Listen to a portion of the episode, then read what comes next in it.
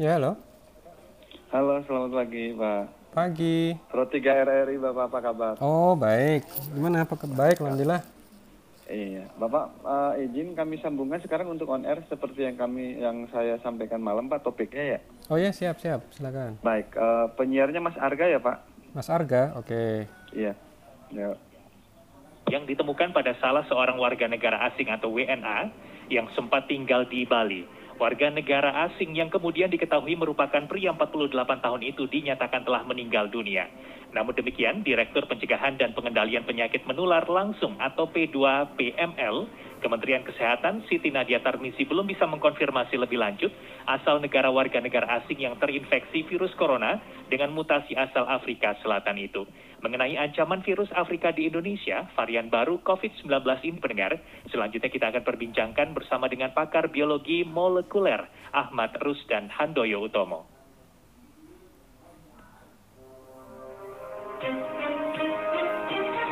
Assalamualaikum, selamat pagi Pak Ahmad Rusdan. Waalaikumsalam warahmatullahi wabarakatuh. Mas Arga, apa kabar? Kabar baik Pak, sehat ya. Pak Ahmad juga kabar baik juga hari ini? Alhamdulillah, puasa Alhamdulillah. Kita waspada dan juga antisipasi ancaman virus Afrika di Indonesia ini Pak. Varian baru COVID-19 yang sudah dikonfirmasi ada di Bali, yaitu Ya. varian B1351. Sebetulnya ini varian seperti apa sih Pak? Mungkin ke ciri-ciri atau tanda-tanda dan bagaimana kita perlu menghindarinya ini, Pak Ahmad? Ya, jadi eh, ada tiga varian sebetulnya ya, yang sekarang menjadi apa yang disebut dengan variant of concern gitu, VOC. Jadi eh, varian Afrika Selatan adalah salah satunya ya, B1351. Karena di luar itu ada juga B117 yang di Inggris dan juga P1 di Brazil. Apalagi sekarang ada yang keempat nih, variant of interest ya, yang juga mungkin sudah berkembang lagi yang dari India itu sampai juga mulai tinggi di Inggris ini. Tapi tapi kembali yang pertanyaan yang di Bali ya, itu terkonfirmasi B1351 itu memang eh, awal deskripsinya di Afrika Selatan dan di Afrika Selatan varian ini memang sudah menjadi dominan.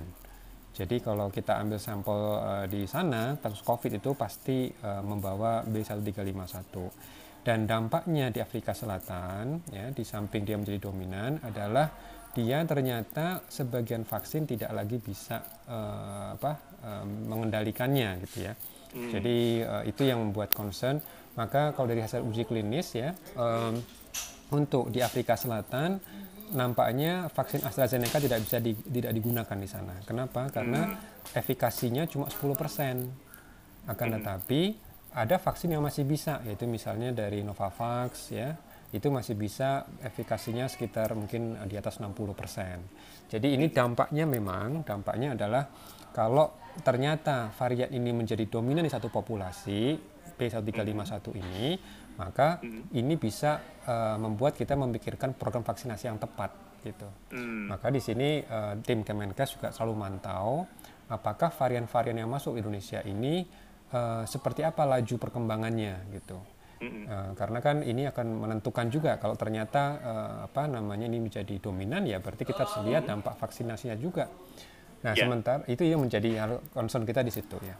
Hmm, Oke, nah agar mencegah begitu Pak Ahmad, varian B1351 ini tidak menjadi varian yang dominan yang menyebar di masyarakat Indonesia, apa yang perlu kita lakukan ini Pak? Iya. Jadi eh, secara biologis ya, secara biologis itu ada eh, beberapa mekanisme munculnya varian. Eh, Yang pertama adalah ketika misalnya manusia itu tidak apa tidak taat prokes gitu ya. Jadi ketika manusia tidak taat prokes, apa yang terjadi? Maka eh, varian-varian yang tadinya sebetulnya minoritas dia bisa menjadi lebih cepat berkembang gitu. Hmm, Nah, ini yang harus kita hindari. Maka kalau misalnya kemarin eh, ada laporan bahwa ada pasien di Bali misalnya ya, nah ini yang harus kita waspadai bagaimana kontak eratnya gitu. Hmm. Nah, kontak eratnya harus dicari. Makanya kan standar dari WHO itu eh, sebaiknya dari satu kasus positif dicari 20 sampai 30 orang gitu ya.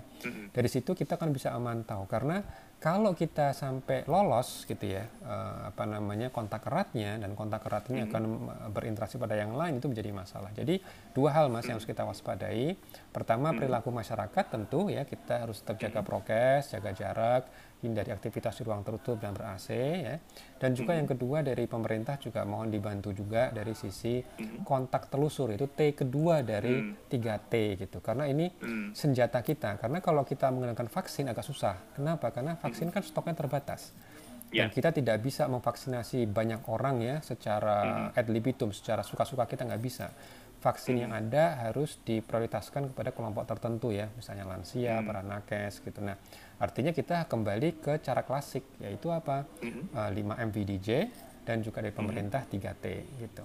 Hmm. Ya. Nah, uh, Pak Ahmad, kalau kita cermati begitu kronologi bagaimana warga negara asing ini terkonfirmasi B1351 setelah dilakukan penelusuran oleh Dinas Kesehatan di pemerintah Bali, begitu Pak, dan juga hasil konfirmasi dari Kementerian Kesehatan, tampaknya kabarnya warga negara asing ini tidak pernah bepergian begitu ke Afrika Selatan ataupun kemudian ke Inggris, negara-negara munculnya varian baru ini ketika-ketika informasi tersebut kita dapatkan, mungkin uh, penularannya atau penyebarannya ini didapatkan dari mana Pak varian baru ini sehingga bisa uh, apa ya menyerang dan juga menginfeksi pasien yeah. ini. Yeah. Nah di sini ada uh, beberapa kemungkinan yang lain. Jadi tentu yang pertama hmm. kalau dia berkontak erat dengan uh, orang lain yang dari hmm. Afrika Selatan atau dari Inggris misalnya gitu kan. Oke. Okay. Hmm. Tapi ada juga kemungkinan yang berikutnya adalah uh, mungkin orang ini tertular dari orang lain dan orang hmm. lain dari orang lain orang lain. Jadi ada beberapa hmm. rantai gitu. Karena kan hmm. kita juga harus lihat uh, dia lokasinya di Bali kan dan kita ketahui di Bali sendiri kan juga tidak terisolir. Bali yeah. sendiri juga masih ada penerbangan ya, baik dari apa namanya luar negeri atau bahkan dari dalam negeri gitu kan. Artinya rantainya bisa jadi lumayan panjang begitu kan. Gitu. Ini kecuali kalau misalnya orang ini tertinggal di daerah terpencil uh, yang betul-betul terisolasi kok masih bisa. Nah, seandainya ini yeah. skenario seperti ini, memang ada mm-hmm. dimungkinkan kalau seandainya orang ini memiliki apa yang kita sebut dengan uh, imunokompromis. Jadi orang imunokompromis. Jadi dia mengalami hmm. dalam sistem imunnya itu memang ada masalah. Dalam hmm. ada masalah sehingga bisa jadi dia itu terinfeksi dengan varian hmm. yang biasa yang umum di masyarakat yang uh, bahkan tidak apa namanya tidak menjadi uh, varian of concern tapi karena dia hmm. imun kompromis maka hmm. di dalam tubuhnya itu akan muncul varian-varian tersendiri secara de novo istilahnya jadi dia muncul hmm. sendiri gitu nah hmm. makanya ini uh, tapi kalau dilihat dari beritanya kan nampaknya pasien ini juga orangnya tidak ada masalah dengan kesehatan ya artinya dia hmm. juga dikenal memiliki satu apa namanya Eh, keseimbangan imun yang cukup bagus sebetulnya gitu. Yeah. Karena emang kasus imunokompromis itu jarang. Uh, hmm. Misalnya itu orang penyakit yang tertentu gitu ya. Uh, nah itu jadi kemungkinan itu kecil. Nah okay. kemungkinan yang berikutnya tadi kemungkinan dia tularkan dari hmm. orang ke orang ke orang ke orang karena memang secara hmm. faktanya Bali kan memang tidak hmm. tidak terisolir ya gitu. Jadi hmm. ini menunjukkan sekali lagi bagaimanapun uh, hmm. yang kita khawatirkan sebetulnya Mas uh, hmm. Harga adalah varian ini mungkin uh, lebih tinggi prevalensi dari yang kita survei. Ini ya. kekhawatiran yeah. kita. Jadi hmm. makanya nanti takutnya banyak menyebar daripada kasus yang ditemukan begitu betul, ya Pak ya. Betul, betul. Karena surveillance kita, karena kalau kita melakukan uh, genome surveillance yang sifatnya dengan menggunakan whole genome sequencing, hmm. itu kan kita bicara masalah biaya, kita bicara masalah kapasitas juga gitu ya. ya dan uh, ini yang apa uh, banyak sekali kayak negara-negara maju seperti Inggris ya karena mereka punya kemewahan itu dia bisa tracking dengan benar-benar baik gitu maka di sini memang diperlukan ada terobosan ya bagaimana kita bisa mengidentifikasi varian dengan relatif cepat gitu ya uh, supaya bisa terkoordinasi jadi ini menjadi satu uh, concern yang mudah-mudahan ya. dari kontak eratnya bisa kita telusuri dengan lebih baik. Hmm. Baik, oleh karena itu langkah pencegahan paling awal yang harus dilakukan adalah tadi apa ya, menelusuri kontak erat 3T tadi dari 20 hingga 30 orang yang uh, melakukan kontak erat dengan warga negara asing tersebut yang terkonfirmasi B1351 ini begitu ya Pak Ahmad ya? Betul, betul. Baik, selain itu terobosan apa lagi nih Pak? Sekali lagi agar B1351 ini tidak menjadi varian yang dominan begitu, yang menulari masyarakat. Iya.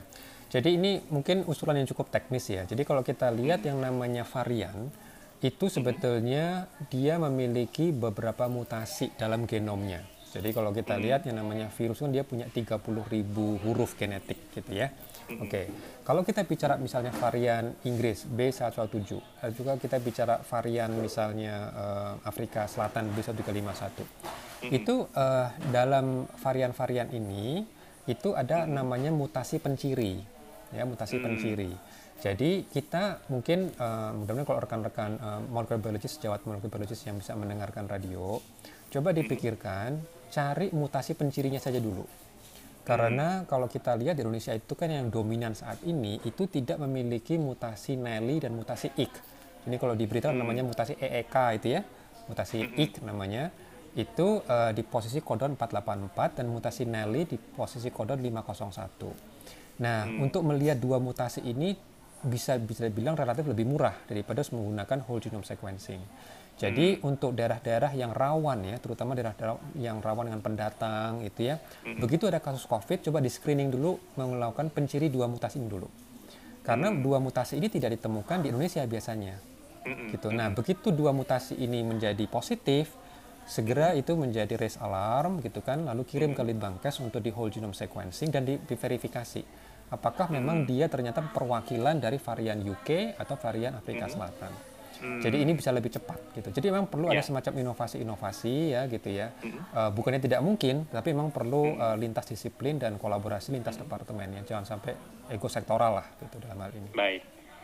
Nah, Pak Ahmad kesempatan pagi hari ini kita undang juga ya Pak ya pendengar untuk ikut berbincang bersama kita kita waspadai bersama ini varian baru utamanya yang berada berasal dari Afrika Selatan B1351 yang sudah terkonfirmasi satu kasus di Bali. Hmm. Silakan mendengar 3523172, 3844545 dan 3866712. Sekali lagi saya undang Anda untuk ikut bisa berbincang bersama kami dan juga narasumber kami di 0213523172, 0213844545 dan 0213866712. Langsung Pak Ahmad kita jumpai satu pendengar yang ada di Boyolali Bali terlebih dahulu ya Pak ya. Ada Pak Udin. Assalamualaikum. Pak Udin. Tampaknya terputus Pak Udin. Pak Udin. Baik, boleh dicoba kembali ya Pak Udin ya. 352 3172 3844545 dan 3866712. Pak Ahmad tadi kalau kita uh, cermati begitu ya, ketika varian ini sudah menjadi mayoritas atau dominan menyebar di masyarakat, perlu kita kemudian tinjau kembali vaksinasi yang sesuai yang kita harus gunakan begitu ya Pak ya. Kalau kita mengingat varian B1351, kemudian varian yang ada dari Inggris dan juga varian dari India ini, keefektivitasan vaksin uh, AstraZeneca dan juga Sinovac dan juga yang baru masuk Sinopharm ini, untuk ketiga varian ini seperti apa Pak Ahmad? Ya, ini pertanyaan pertanyaan bagus nih Mas Arga. Jadi kalau kita lihat B117 di UK ya, itu hmm. ternyata masih bisa dikendalikan dengan AstraZeneca ya hmm. di uh, sekitar 70 persen 75 persen gitu artinya ini mirip dengan data uji klinis mereka artinya uh, kita masih bisa menggunakan itu vaksin Pfizer juga nampaknya uh, tidak begitu banyak terpengaruh dengan varian hmm. apa namanya uh, B17 dan juga kemungkinan yang Afrika Selatan juga nampaknya masih bisa gitu ya nah yang menarik yang data Sinovac data Sinovac ini bisa dibilang memang unik ya. Sinovac itu kan mm-hmm. dia uh, sebetulnya pembuatannya lebih awal, tapi data berikutnya dia agak lambat. Gitu. Tapi ada menarik data dari mm. Brazil. Kalau kita lihat di Brazil itu kan varian yang banyak di sana yang mulai dominan juga adalah P1 ya, makanya disebutin mm-hmm. varian di Brazil. Nah di Brazil itu kita ingat uji klinis Sinovac di sana itu kan mentargetkan nakes tenaga kesehatan dan ini kemarin ada preprint uh, laporan uh, preliminary bahwa mereka men-tracking para nakes yang telah divaksin. Apa yang mereka temukan eh, di kota Manaus, di mana eh, mereka ketahui di kota tersebut itu banyak sekali varian P1 di sana. Lalu pertanyaannya, apakah eh, nakes yang telah divaksinasi dan dalam kurun lebih dari 14 hari pasca vaksinasi, ternyata mereka bisa melihat penurunan risiko terjadinya gejala berat pada nakes yang telah divaksinasi tersebut. Artinya apa? Varian P1 dari Brazil itu nampaknya masih bisa di, dikendalikan oleh Sinovac gitu. Hmm. Jadi ini satu hal yang menarik. Nah, tapi apakah hmm. Sinovac bisa mengendalikannya Afrika Selatan dan juga dari Inggris? Ini kita juga hmm. belum tahu datanya. Okay. Maka penting untuk uh, men-tracking juga dan saya yakin Kemenkes sudah melakukan itu. Semua warga Indonesia yang telah divaksinasi dan ternyata melaporkan tetap terkena COVID gitu ya, itu perlu dilihat gejala COVID-nya seperti apa. Karena kalau misalnya gejala COVID-nya ringan itu sebetulnya ya emang expected. Kita nggak berharap orang dengan vaksinasi itu bebas COVID enggak. Tapi mudah-mudahan tidak terkena COVID gejala berat. Nah itu. Tapi kalau ternyata ada uh, warga kita sudah divaksin dua kali tetap kena COVID gejala berat, nah ini harus segera di sequencing, harus segera dikirim ke Litbangkes supaya teman-teman di sana bisa tahu apakah ini varian baru atau memang ada masalah dari si pasiennya, ya misalnya ada ketidakseimbangan imun misalnya seperti itu. Jadi itu Baik. pentingnya tracking data. Hmm. Nah, dari varian yang baru ini Pak, dari Inggris, dari Afrika, dan juga dari India yang sudah masuk ke Indonesia ini, apakah kemudian dengan diikuti dengan gejala-gejala tertentu yang berbeda begitu, Pak Ahmad? Oke, jadi sebetulnya yang namanya eh, mutasi ya, ya, yang berkontribusi sehingga munculnya varian tadi itu ada tiga aspek ya. Apakah aspek penularan, apakah aspek eh, morbiditas yaitu penyakit yang lebih parah misalnya, atau tentu yang ketiga efektivitas vaksin. Nah nampaknya kalau dari eh, penularan itu ada benang merahnya. Jadi hampir eh, varian-varian ini memang nampaknya menular lebih cepat daripada yang sebelum varian yang sebelumnya asli dari dari Wuhan. Eh, kalau kita lihat dari vaksin, sebagian sudah kita sampaikan ada beberapa dampak pada vaksin tertentu. Tapi yang ketiga terkait dengan eh, tingkat kesakitan atau tingkat keparahan penyakit, belum ada data yang fix ter- terkait ini. Memang ada laporan dari India yang kesannya lebih parah gitu ya. Tapi kalau kita lihat dari perangai virus COVID ini, kalau dia justru berubah menjadi lebih parah, ya sisi baiknya begini, tanda kutip ya, tapi dalam artian ya. Sisi baiknya berarti dia justru membunuh dirinya sendiri. Kenapa? Karena sempurnanya COVID itu adalah ketika dia mampu menyaru sehingga menciptakan OTG. Hmm. Tapi kalau dia bermutasi dan dia akhirnya membuat orang menjadi sakit lebih parah, itu berarti sudah meninggalkan penciri OTG-nya. Karena apa? Oke. Yang menyulitkan kita COVID ini itu kan OTG sebetulnya. Dia terinfeksi tapi tidak bergejala. Itu sebabnya SARS, flu burung itu mudah dikendalikan. Ebola itu mudah dikendalikan karena kita cukup fokus orang yang bergejala. Karena langsung kelihatan kasat mata kan, oh bergejala nih, orang kan langsung menjauh, otomatis itu. Ya kan? Nah, akhirnya kalau misalnya dia meninggal, dia akan membawa virusnya. Buat si virus ini ini mimpi buruk karena virus nggak sebenarnya nggak pengen kan eh, inangnya tuh meninggal, ya kan? Gitu. Jadi Ya. itu sisi tanda kutip ya saya mengatakan memang dalam jangka pendek angka kematian akan tinggi sekali. Tetapi dalam jangka panjang ya berarti pandemi segera berakhir. Tapi ya tentu ini ini ya kita tentu tidak ingin melihat korban Baik. yang banyak yang meninggal sih. Baik, tapi ini kita saya dapatkan satu artikel yang menarik ini Pak. Digambarkan oleh CEO Moderna Stephanie Benzel ini mengatakan bahwa varian baru COVID-19 akan banyak bermunculan dalam beberapa bulan mendatang. Ini menyusul belahan bumi selatan memasuki musim gugur dan juga musim dingin seperti Afrika, Australia dan juga sebagian besar Amerika Selatan dan juga beberapa wilayah Asia. Artinya tidak kemudian kita berhenti pada varian-varian baru yang saat ini kita jumpai, ke depan masih ada varian baru lagi begitu Pak yang berpotensi untuk muncul.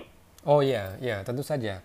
Nah, jadi ini ini menarik. Kalau kita lihat virus eh, COVID ini kan beta coronavirus ini, dia itu termasuk virus yang sebetulnya nggak mudah untuk berubah. Ya, Hmm. jadi dia juga tidak sembarang berubah. Karena kalau dia merubah secara sembarangan, dia tentu akan mentargetkan gen yang sebenarnya penting untuk survivalnya dia. Tapi yang mungkin yang dimaksud oleh CEO ini yang dikhawatirkan, ini kan ternyata ada lonjakan kasus di Asia Selatan ya, dimulai dari India itu. Dan area selatan ini kan juga di bagian bumi bagian selatan sudah akan memasuki musim dingin. Apa yang terjadi di musim dingin? Eh, kalau lonjakan kasus ini tidak segera apa di- dihentikan, itu kan berarti eksesnya orang masuk ke dalam musim di mana mereka mau tidak mau harus beraktivitas di dalam ruangan. Karena kalau kita bicara musim dingin, nggak mungkin orang beraktivitas di luar, karena dingin. Ketika mereka di dalam ruangan, apa yang terjadi? Mereka harus menyalakan penghangat kan, heater Ya. kan. Ketika Ya. mereka menyalakan heater, apa yang terjadi? Udara menjadi tidak lembab, udara menjadi kering. Ya. Nah, itu menjadi uh, lingkungan yang sempurna buat virus untuk bersirkulasi. Itu yang terjadi di Inggris. Di B17, kenapa kok dia cepat? Karena itu di musim dingin. Dan orang-orang itu mau nggak mau bekerja, be- apa, beraktivitas di dalam ruangan yang kering, relatif kering udaranya. Makanya ini kuncinya harus segera ya uh, Kesmas ini pendekatan kesehatan masyarakat untuk 5M VDJ dan 3T yang masif ini harus ini udah kita kita nggak ada pilihan lain. Baik. Ini harus betul diterapkan. Baik, kita punya waktu kurang lebih sedikitnya enam bulan ke depan ya Pak ya, agar Betul. kemudian varian-varian baru yang berpotensi muncul itu tidak masif dan juga menjadi varian yang uh, dominan sehingga proses ya, protokol kesehatan yang kita lakukan dan juga vaksinasi yang telah berjalan khususnya di Indonesia ini tidak menjadi sia-sia begitu ya Pak Ahmad ya. Dan kuncinya ini yang kita harus pantau bersama adalah mudik. Ini Hmm, bisa nah menjadi ini. bom waktu. Ini bisa hati-hati sekali karena Ya. perilaku manusia yang ini tuh sangat bisa diprediksi. Itu yang kita khawatir. Ya. Kalau kita bisa Baik. sepakat ini untuk bisa menjaga menahan diri, ya mudah-mudahan kita bisa menahan diri insya Allah. Baik, Pak Ahmad terima kasih sudah bersama kami di program Tiga Radio Republik Indonesia. Lain waktu kita bincang-bincang kembali ya Pak ya, Siap, agar ya terima kasih. masyarakat banyak kemudian dapat edukasi dan juga muncul kesadaran untuk tetap melakukan protokol kesehatan dan pasti tidak mudik di Lebaran kali ini begitu ya Pak Ahmad ya. Terima kasih. Terima kasih Pak Ahmad. Assalamualaikum. Selamat pagi. Waalaikumsalam. Selamat pagi. Demikian tadi pendengar perbincangan kami bersama dengan pakar biologi molekuler Ahmad Rus dan Handoy Utomo tentang ancaman virus Afrika di Indonesia, varian baru COVID-19 B1351 yang sudah ditemukan dan juga dikonfirmasi satu warga negara asing di Provinsi Bali.